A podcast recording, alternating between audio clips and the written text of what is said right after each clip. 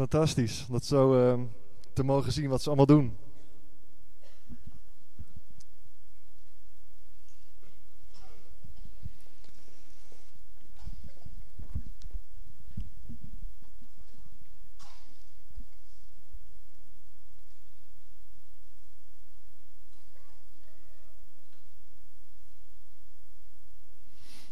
Ja, het is heerlijk om uh, samen kerst te vieren. En om samen ook zo'n dienst uh, te mogen voorbereiden. Ik weet dat Nikies met het hele team ook al uh, weken bezig is om de dans voor te bereiden. Vanochtend vroeg waren we hier al om alles klaar te zetten. Het is best mooi gelukt, toch? Hartstikke mooi. Mooie lampen, mooie versiering. En daar zijn we heel blij mee hoe dat vanochtend ook allemaal hebben ja, gerealiseerd. Om samen de kerst te kunnen vieren. Ik mag vanavond de overdenking verzorgen. En dat gaan we doen naar de tekst, naar aanleiding van de tekst die we net al gelezen hadden. Want een kind is ons geboren, een zoon werd ons gegeven en de heerschappij zal op zijn schouders rusten. En dit zullen zijn koninklijke titels zijn: wonderbare raadgever, machtige God, eeuwige vader en vredevorst. En aan zijn vredevolle bewind zal nooit meer een einde komen. Nooit meer. Bijzonder hè? Dat is gestart met een klein babytje in de stal in Bethlehem. Waarin Jezus eigenlijk zichzelf heeft afgelegd. Hij heeft zichzelf afgelegd. Het hemelse comfort wat hij daar had. In de hemel is alles perfect. In de hemel is alles goed. dat heeft hij afgelegd. En is hij naar de aarde gekomen. nou, toen ik erover nadacht in de voorbereidingen. Toen... Uh, moest ik denken aan een uh, aantal situaties waarin ik zelf ook een aantal keren mijn eigen comfort heb afgelegd. Nou, iedereen heeft wel eens zijn eigen comfort afgelegd in zijn leven. Maar ik had toch wel een paar voorbeelden waarvan ik dacht van ja, ik heb ook een aantal keren echt heel erg mijn eigen comfort moeten afleggen. En het heeft ermee te maken, ik ben uh, veteraan. Ik heb uh, tien jaar bij Defensie gezeten. En ik heb allerlei gebieden in de wereld ben ik, ben ik geweest, ben ik uitgezonden geweest. En nou, over het algemeen is dat, was dat hartstikke leuk. Maar er waren ook met name wat momenten bij die bijzonder koud en nat waren. Nou, en ik zal een paar van die verhalen met jullie vertellen. Uh, bij Defensie gingen we in mijn tijd, en dit nog steeds, gingen we zo'n drie, vier keer per jaar gingen we op oefening naar Duitsland. De schietserie, zoals dat heette. He, wij, uh, in, Nederland zijn, zijn, we een klein landje. Duitsland is groot. Dan had je hele grote oefengebieden, van hele grote oefentreinen. En dan had je van die, uh, van die gebieden, en die waren zo'n 64 kilometer omtrek. Daar gingen we een paar keer per jaar gingen we daar naartoe om, om te oefenen. Wij waren dan als ondersteuning. Maar in het voorjaar was het hartstikke leuk. In, het, in de zomer was het leuk. Maar in de winter, lieve mensen, op die Duitse laagvlaktes. Nou, het kan daar echt spoken qua weer. Het kan daar echt verschrikkelijk koud zijn. Het kan daar regenen, hagelen. Wie van de oudere generaties er wel eens geweest trouwens? Ja, er zijn een paar handen gaan omhoog. Ja, jullie weten precies wat ik bedoel. Bergen Honen en Hannover, daar die laagvlaktes. Dat was dan bedoeld om de Russen tegen te houden. Nou, als het daar gaat regenen, als het daar gaat sneeuwen, dan berg je maar. Maar in mijn geval, we hadden niks om ons te verbergen. En ik weet nog goed, we waren daar een keertje. En uh, we kwamen er aan en het, en, het, en het regende echt verschrikkelijk. En het heeft gewoon drie of vier dagen lang heeft het alleen maar geregend. Dat hield gewoon niet op. In Duitsland kan het gewoon drie of vier dagen gewoon non-stop regenen. En dat betekent dus, dan sta je s ochtends op, dan kom je uit je tentje, maar nog wel een klein tentje dan. En, uh, en het komt met bakken uit de hemel. Dus dan sta je daar en uh, sta je daar te ontbijten in de regen. Nou, vervolgens uh, doe je de hele dag doe je dingen in het bos. Dan ga je lunchen. Dan sta je te lunchen in de regen. Iedereen staat er een beetje sip onder zijn poncho. En dan ga je s'avonds warm eten uit, uit zo'n blik. En heb je zo'n zo'n mes of vork in je zak. En dan zit je aan je warm te eten in de regen. En dan mag je eindelijk naar bed. Oh, dat is zo fijn hè. Dat is zo fijn. Dan kan je eventjes, kan je dan in je, in je, ja, in je beschutte tentje, als je hem goed hebt opgezet tenminste. En dan, uh, en dan kan je in je slaapzak, het is natuurlijk helemaal koud, hè, want het is een beetje rond het vriespunt en het regent dan. Maar daar hebben we speciale technieken voor. Dan ga je namelijk met je kleren aan, ga je in je slaapzak. Dan, richt je, dan rits je je slaapzak helemaal dicht. En dan ga je met een dichtgeritste slaapzak ga je jezelf uitkleden. Nou, ik weet niet of je dat al eens geprobeerd hebt. Maar, maar is een enorm gespartel en een enorm gemartel. En daar word je dus heerlijk lekker warm van. Dus dan ben je aan het martelen en dan spartelen zo'n minuut of tien. En dan ben je heerlijk warm, dan ben je uitgekleed. En dan leg je je kleding leg je dan in je, in je zak waar dan je slaapzak uitkomt. Dat gebruik je dan als hoofdkussen. En dan rits je die slaapzak, heb je lekker dicht. En dan slaap je lekker. Oh, dat is fantastisch. Maar dan, hè? Maar dan. En op een gegeven moment dan, dan hoor je die voetstappen uit de vette hoor je aankomen. En dan denk je, oh nee. Nee, nee, ik, ik wil dit gewoon niet. En je weet, het is twee, drie uur s'nachts, het is koud, het regent nog steeds. En dan hoor je zo, hoor je, je collega hoor je aankomen lopen. Hey, versloten, versloten, je moet eruit, je moet weglopen, versloten. En dan gaan ze aan je tenten lopen trekken, weet je wel. En dan moet je dus je tent uit. En dan moet je dus weer al die natte, vieze kleding moet je aantrekken. Je moet dat tentje open doen en je moet weer in die regen. En dan sta je een uur lang in de regen in een bos in Duitsland, waar geen enkele vijand te bespeuren is. En dan sta je daar een uur lang met je geweer in je hand. En dan mag je weer naar bed, een paar uurtjes. En dan s ochtends om zes uur, hetzelfde verhaal. Hè? Voor, het, voor de koning en voor het koninkrijk. De Nederlanden. Hè? Alles voor het koninkrijk. En dan rits je weer die slaapzak open, je tentje open. En dan ga je weer die natte, vieze kleding trek je weer aan. Om weer een hele dag in de regen te lopen. Nou, ik denk dat ik het beeld wel geschetst heb, hè? En sowieso is het, een, uh, is het een ding natuurlijk om s ochtends vroeg je bed uit te gaan in de winter. Zeker als je slaapkamer koud is. Maar uh, ik heb ook al situaties meegemaakt dat je dan in de sneeuw moest liggen zelfs. Dan had je gewoon helemaal geen, geen, geen tent, alleen een slaapzak. Dan lag je gewoon in de sneeuw met min 5 of min 8. En dan moet je die slaapzak weer uit. Lieve mensen. Afleggen van je comfort. Afleggen van je eigen principes of je eigen uh, wensen, je eigen verlangens. Dan moet je die slaapzak weer openritsen en dan moet je weer die kou instappen. Nou, nou, nou, het is wat zeg. Jezelf afleggen, je eigen comfort afleggen. Nou, dat was een, kleine illustratie ten opzichte van wat Jezus heeft meegemaakt. Jezus die woont natuurlijk in de hemel. Hij is God, hij was God. Hij is de zoon van God en hij, hij woonde in de perfecte omstandigheid. Het comfort in de hemel is natuurlijk 100%. Alles is daar perfect. Er is daar liefde, er is daar geborgenheid, er is daar onvoorwaardelijke acceptatie. De, de engelen zijn daar die, die, die, God, die vol Gods troon aan het zingen zijn en alles is daar geweldig. Maar Jezus die koos ervoor om zijn eigen comfort af te leggen. En niet zoals mij in mijn teentje of in mijn slaapzak met min 5 uit zo'n slaapzak te stappen, zoals ik dat deed. En ik vond het al een behoorlijk afleggen van mezelf. Maar Jezus koos ervoor om zijn hemelse heerlijkheid los te laten en naar deze aarde te komen. Nou, en waar kwam die in terecht? In een stal. Hij kwam niet in een groot, in een groot paleis terecht, hij kwam in een stal terecht. En, uh, en hij was geheel volgens, volgens Gods plan. En volgens zijn eigen wil, want Jezus koos er zelf voor om vanuit de hemelse heerlijkheid naar deze aarde te komen. En het was ook niet toevallig dat, dat, uh, dat ze op een dag besloten van... nou, goh, laat ik eens als baby naar de, naar de aarde gaan, laat ik eens de wereld gaan redden. Nee, vanaf het moment dat de mensen, Adam en Eva, het verprutst hadden... in de Hof van Eden, in het paradijs, toen zei God gelijk... er is iets verschrikkelijks gebeurd, er is zonde gebeurd... er is een scheiding tussen mij en de mensen gekomen, maar ik ga dat fixen. Ik heb een plan. Er gaat een plan komen. Ik heb een reddingsplan. En ik ga ervoor zorgen dat er weer, dat de mensen weer dicht bij mij kunnen komen. Er komt een reddingsplan. En zo is de hele Bijbel, de Oude Testament, staat vol met profetieën waarin de komst van Jezus aangekondigd wordt. Als je de Oude Testament leest, dan kun je er niet omheen het is overduidelijk, de lijnen van het Oude Testament zijn uitgezet en ze wijzen allemaal naar de komst van Jezus. Jezus legde zichzelf af. Hij kwam als God naar deze aarde mensen te redden. Het is bijna te mooi om waar te zijn.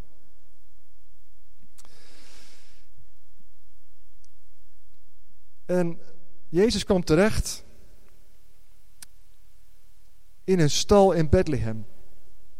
Maar er waren heel veel tekenen, heel veel dingen gebeurden daar rondom de geboorte van Jezus. Het is te veel om dat allemaal te benoemen, maar het is ontzettend interessant. De profeten Jesaja, Jeremia en Ezekiel hebben allemaal geprofiteerd van de koning die geboren zou worden in Bethlehem. Zijn komst, zijn vlucht naar Egypte, zijn terugkomst uit Egypte, het is allemaal gepland en God heeft het voorzegd. Heeft de engelen erop uitgestuurd om mensen een boodschap te geven. De engelen gingen naar Maria toe, naar Elisabeth, de tante van Maria. Alles werd in werking gezet, zodat Jezus geboren kon worden. Een heel ander alternatief, een alternatief kerstverhaal, staat in openbaring. Er staat ook beschreven dat de draak probeert het kind te doden. Dus op een andere manier, de geestelijke manier van het kerstverhaal staat daar beschreven. Heel interessant, lees het thuis maar eens na. Dat is wat anders dan we meestal preken.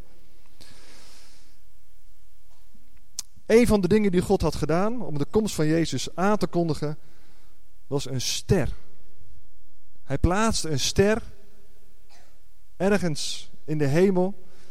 En de wijze uit het oosten, die we net zo mooi zagen vertolkt als de kleine kindjes hier met dat mooie, mooie capuchonnetje op. God had een ster geplaatst. En de wijze uit het oosten, de magiërs of de astrologen van die tijd, die zagen die ster. En die wisten, dat betekent iets bijzonders. En zij zijn die ster gaan volgen. Wat een wonderlijk verhaal, hè? Echt een wonderlijk verhaal. God die plaatst, een van de dingen die God dus doet om zijn zoon, de komst van zijn zoon aan te kondigen, is een ster plaatsen. Die astrologen, die wijzen uit het oosten, die zien die ster en die gaan die sterren volgen. Nou, en als je dat eventjes over nadenkt, is het gewoon, het is gewoon te wonderlijk. Er hangt een ster in de lucht en die verplaatst zich. En die wijzen uit het oosten, die gaan die ster achterna. En ze komen in Jeruzalem. Dat is, dat is zo wonderlijk. Het, het, evangelie van Jezus, dat is gewoon één groot wonder. Ik zal even voorlezen uit Matthäus 2. Want er komt een, er komt een enorm gevolg van wijs uit het oosten met grote rijkdom en pracht komt in Jeruzalem. En er staat in Matthäus 2 staat, dit was een grote schok voor koning Herodes. En de bewoners van Jeruzalem, ze waren in schok. Er kwam een hele karavaan van wijzen uit het oosten. Die vertelde, er is een koning geboren. We volgen een ster. En er was opschudding in Jeruzalem. Er was een schok. En Herodes, die was bang voor zijn positie. Die dacht van, hé, hey, wacht eens even. Een koning, ik ben hier de koning. Dus uh, hoezo wordt hier een andere koning geboren? Herodes liet de leiders en de priesters en de wetgeleerden van Jeruzalem bij zich komen.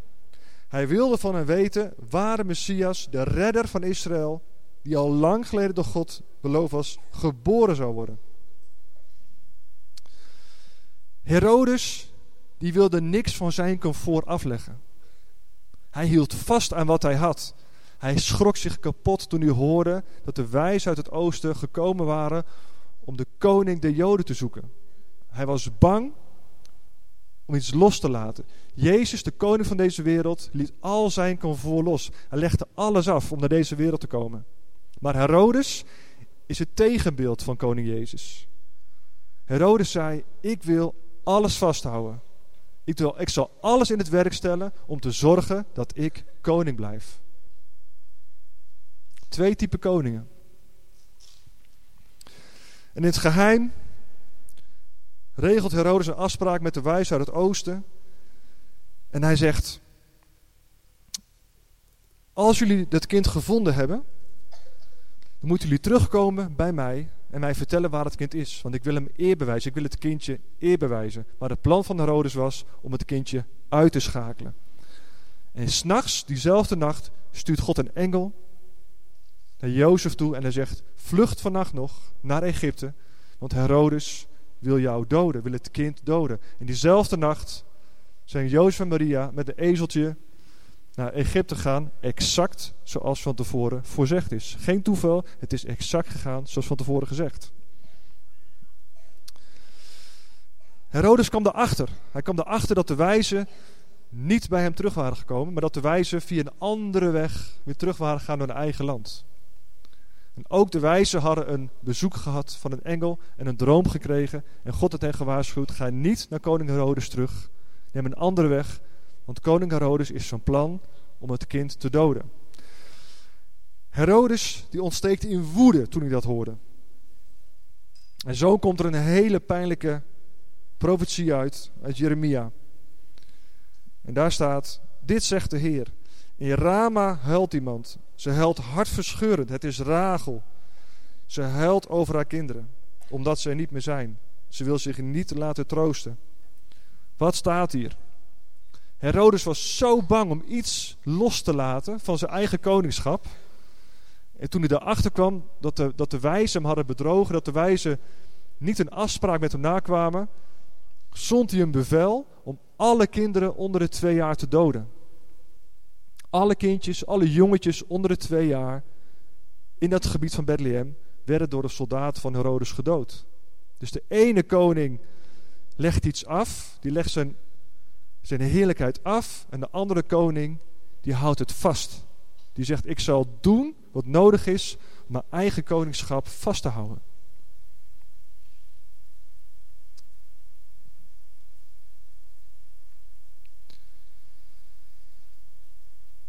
God heeft alles in het werk gesteld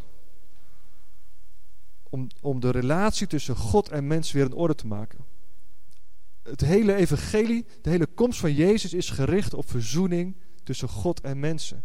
Dat is de reden dat Jezus naar deze aarde teruggekomen is, of naar deze aarde toegekomen is. Wat we net gelezen hebben is ook dat, dat hij ook een vredevorst is. En daar wil ik het ook met jullie over hebben. Als je Jezus kent, als je het wonder van Jezus aanneemt, als je zegt van ik leg mezelf ook af, zoals Jezus zelf heeft afgelegd, dan ligt er een cadeau voor je klaar. Een kerstcadeau. Jezus Christus bracht het ultieme kerstcadeau naar deze aarde. Hij heeft zichzelf afgelegd. Hij is deze aarde gekomen in de stal. Hij moest gelijk op de vlucht.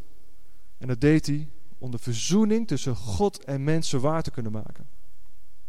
En hij zegt in ieder die dat gelooft, daar heb ik een heel bijzonder cadeau voor. Een heel bijzonder kerstcadeau. En het kerstcadeau is, een van die kerstcadeaus, eigenlijk zijn er meerdere cadeaus, maar één van die cadeaus die ik eruit wil lichten, is vrede. Deze wereld die verlangt naar vrede. Je hoeft het journaal maar aan te zetten en je ziet overal in de wereld, op veel plekken in de wereld, is er geen vrede. Als je kijkt naar Israël, naar de Gazastrook, als je kijkt naar Rusland en Oekraïne, er is oorlog dat spreekt heel duidelijk van oorlog en niet van vrede. Maar ook als je in de huizen kijkt, bij de mensen thuis, en we zien niet alles, maar we horen wel eens dingen. Hoeveel mensen, bij mensen thuis is er vrede? Bij hoeveel voordeuren, als je eventjes naar binnen kijkt, als je eventjes de voordeur open trekt, heerst daar vrede. Elk huisje heeft zijn kruisje. Elk huisje heeft zijn kruisje. In elke gezin, in elke familie, in elk leven ontbreekt het aan vrede. Maar er is een belofte. Jezus is gekomen en hij zegt: Ik heb mijzelf afgelegd. Ik ben uit mijn hemelse heerlijkheid gekomen. En ik wil jou vrede geven. En dat gaat hij ook doen. Hij gaat ook vrede geven. Het evangelie van God is een evangelie van nu en van straks. Het evangelie van Jezus is nu en wat straks nog aan zit te komen. Wat er aan zit te komen is heel duidelijk. Deze wereld gaat op zijn eind. En de wereld, de Bijbel die spreekt ook over de schepping die kreunt en zucht. En we zien ook gebeuren dat de hele schepping ook leidt. Er gebeurt van alles en het gaat naar een kopen, naar een eindpunt toe. En hoe ver we daarin zitten, dat weten we niet precies. Maar we weten het gaat naar een eindpunt. En het eindpunt, het ultieme einddoel van God is uiteindelijk, hij gaat een vrederijk stichten. Hij gaat een rijk stichten waar het altijd goed is, waar er altijd vrede is. Dat is een belofte waar we naartoe mogen leven. Dat is voor straks. En, en, de, en de scenario's die worden uitgerold voor onze ogen. En we kunnen zien waar het naartoe gaat. En voordat die vrede bereikt is, zal er nog veel gebeuren. Dat is de belofte voor straks. Maar de belofte voor nu is dat je nu al met God in vrede kan leven. Er is vrede mogelijk tussen jou en God. Er is vrede mogelijk in je hart. Het is mogelijk om in de moeilijke omstandigheden, als we even die deur openzetten van je huis en even naar binnen gaan kijken, dan kun je misschien denken van ja, ik heb wel een kerstcadeau van vrede nodig. Als je terug reflecteert op het afgelopen jaar en de revue laat passeren wat er allemaal is gebeurd, dan kun je heel makkelijk aanwijzen op welke gebieden van je leven je nog vrede nodig hebt. En het ene gezin het heeft meer vrede nodig dan het andere gezin. En de ene persoon heeft meer vrede van God dan de andere persoon. Maar uiteindelijk hebben we allemaal het cadeau van de vrede nodig. Iedereen hier bij ons in deze gemeente, waar dan ook ter wereld, heeft het nodig om, om in vrede te sluiten met God. De ballast van je verleden, de dingen die je hebt, meegemaakt, de dingen waar je nu doorheen gaat. Er is vrede mogelijk op de situatie waar je nou bent. En wij in onze gemeente, we zijn een hele, hele realistische gemeente. We geloven dat God een God van wonderen is. En we zien ook wonderen gebeuren. En we geloven dat God wonderen doet. Er zijn hier heel veel mensen ook. En ik zelf ook. We kunnen getuigen van de wonderen die God gedaan heeft. En daar strekken we ons ook naar uit.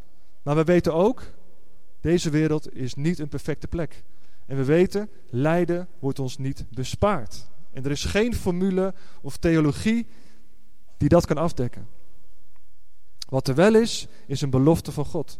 Hij zegt, als je ergens doorheen gaat, dan kan ik je vrede geven.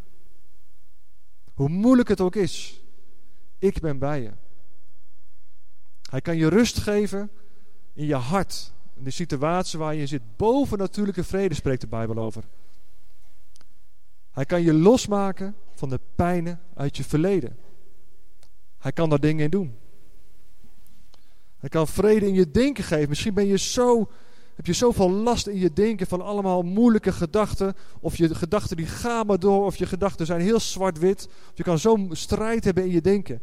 En God zegt, ik kan je vrede geven in je, in je denken. Ik kan je vrede geven in je hart. Ik kan je vrede geven in je denken. God zegt, ik kan je, ik kan je vrede aanbieden met mijzelf.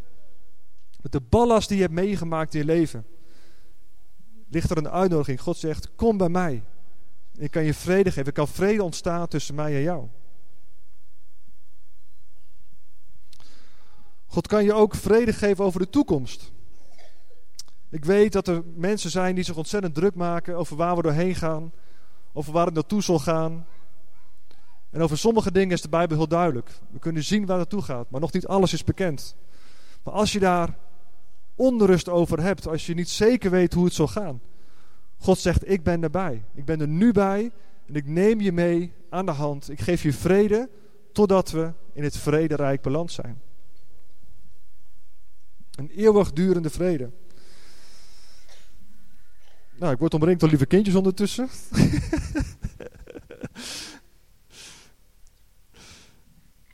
en um, Die hebben de draad kwijt van de kinderen. Iets met vrede was het toch? ja.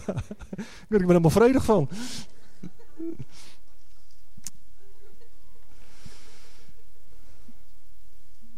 God die biedt je de, de vrede aan voor waar je nu bent. En Psalm 23 die zegt ook... Al ga je door de schaduw van de dood. En voor sommigen is dat heel realistisch. Voor sommigen voel je ook de dood of voel je de problemen. Of zie je een zwart gat waar je in zit, waar je, wat achter je ligt of wat voor je ligt. Hij zegt, ik ga met je mee. Ik geef je die vrede, ongeacht waar je bent. En soms geeft hij genezing, soms geeft hij bevrijding. En soms geeft hij uitkomst van situaties. Maar vaak moeten we er ook gewoon dwars doorheen. En hij belooft, ik geef je de vrede. Hou mijn hand vast. En, en soms is het nodig om jezelf af te leggen. Zoals ik mezelf moest afleggen door die koude slaapzak, die warme slaapzak open te ritsen. En uit die warme slaapzak in de kou te stappen. Zoals Jezus zichzelf aflegt. Hij kwam uit de hemelse heerlijkheid. En het daalde af naar deze aarde. Zo mogen wij soms ook dingen loslaten en geven aan Jezus zelf je problemen afleggen. En misschien mag je gewoon ook erkennen van Heer, de dingen waar ik doorheen ga zijn zo moeilijk. Ik kom daar niet doorheen. Ik heb uw vrede zo nodig. dan is het nodig jezelf af te leggen. Niet vast te houden, zoals Herodes. Herodes wilde ten koste van alles wilde hij vasthouden. Hij wilde zijn eigen dingen vasthouden. Hij ging daardoor heel ver. Maar de uitnodiging van de vredevorst is om wiens schouders de heerschappij van deze aarde rust. Die zegt, kom bij mij en ik zal je vrede geven de vraag is, wil jij dit kerstcadeau, dit ultieme kerstcadeau, wil je dat ontvangen? De, de uitnodiging van Jezus, de, de vrede van Jezus, die is daar. En God heeft alles in het werk gesteld om jou de vrede te kunnen aanbieden. En overal ter wereld, vandaag of morgen, dan klinkt die boodschap van hoop en vrede. En we mogen als gemeente, als mensen die geloven, elkaar ook vasthouden. Ook in onze gemeente gebeuren dingen. Een vrouw bij ons in de gemeente, Ingrid, die is gisteren ook aangereden door een auto. Ernstige beschadiging in de hoofd, in de lichaam.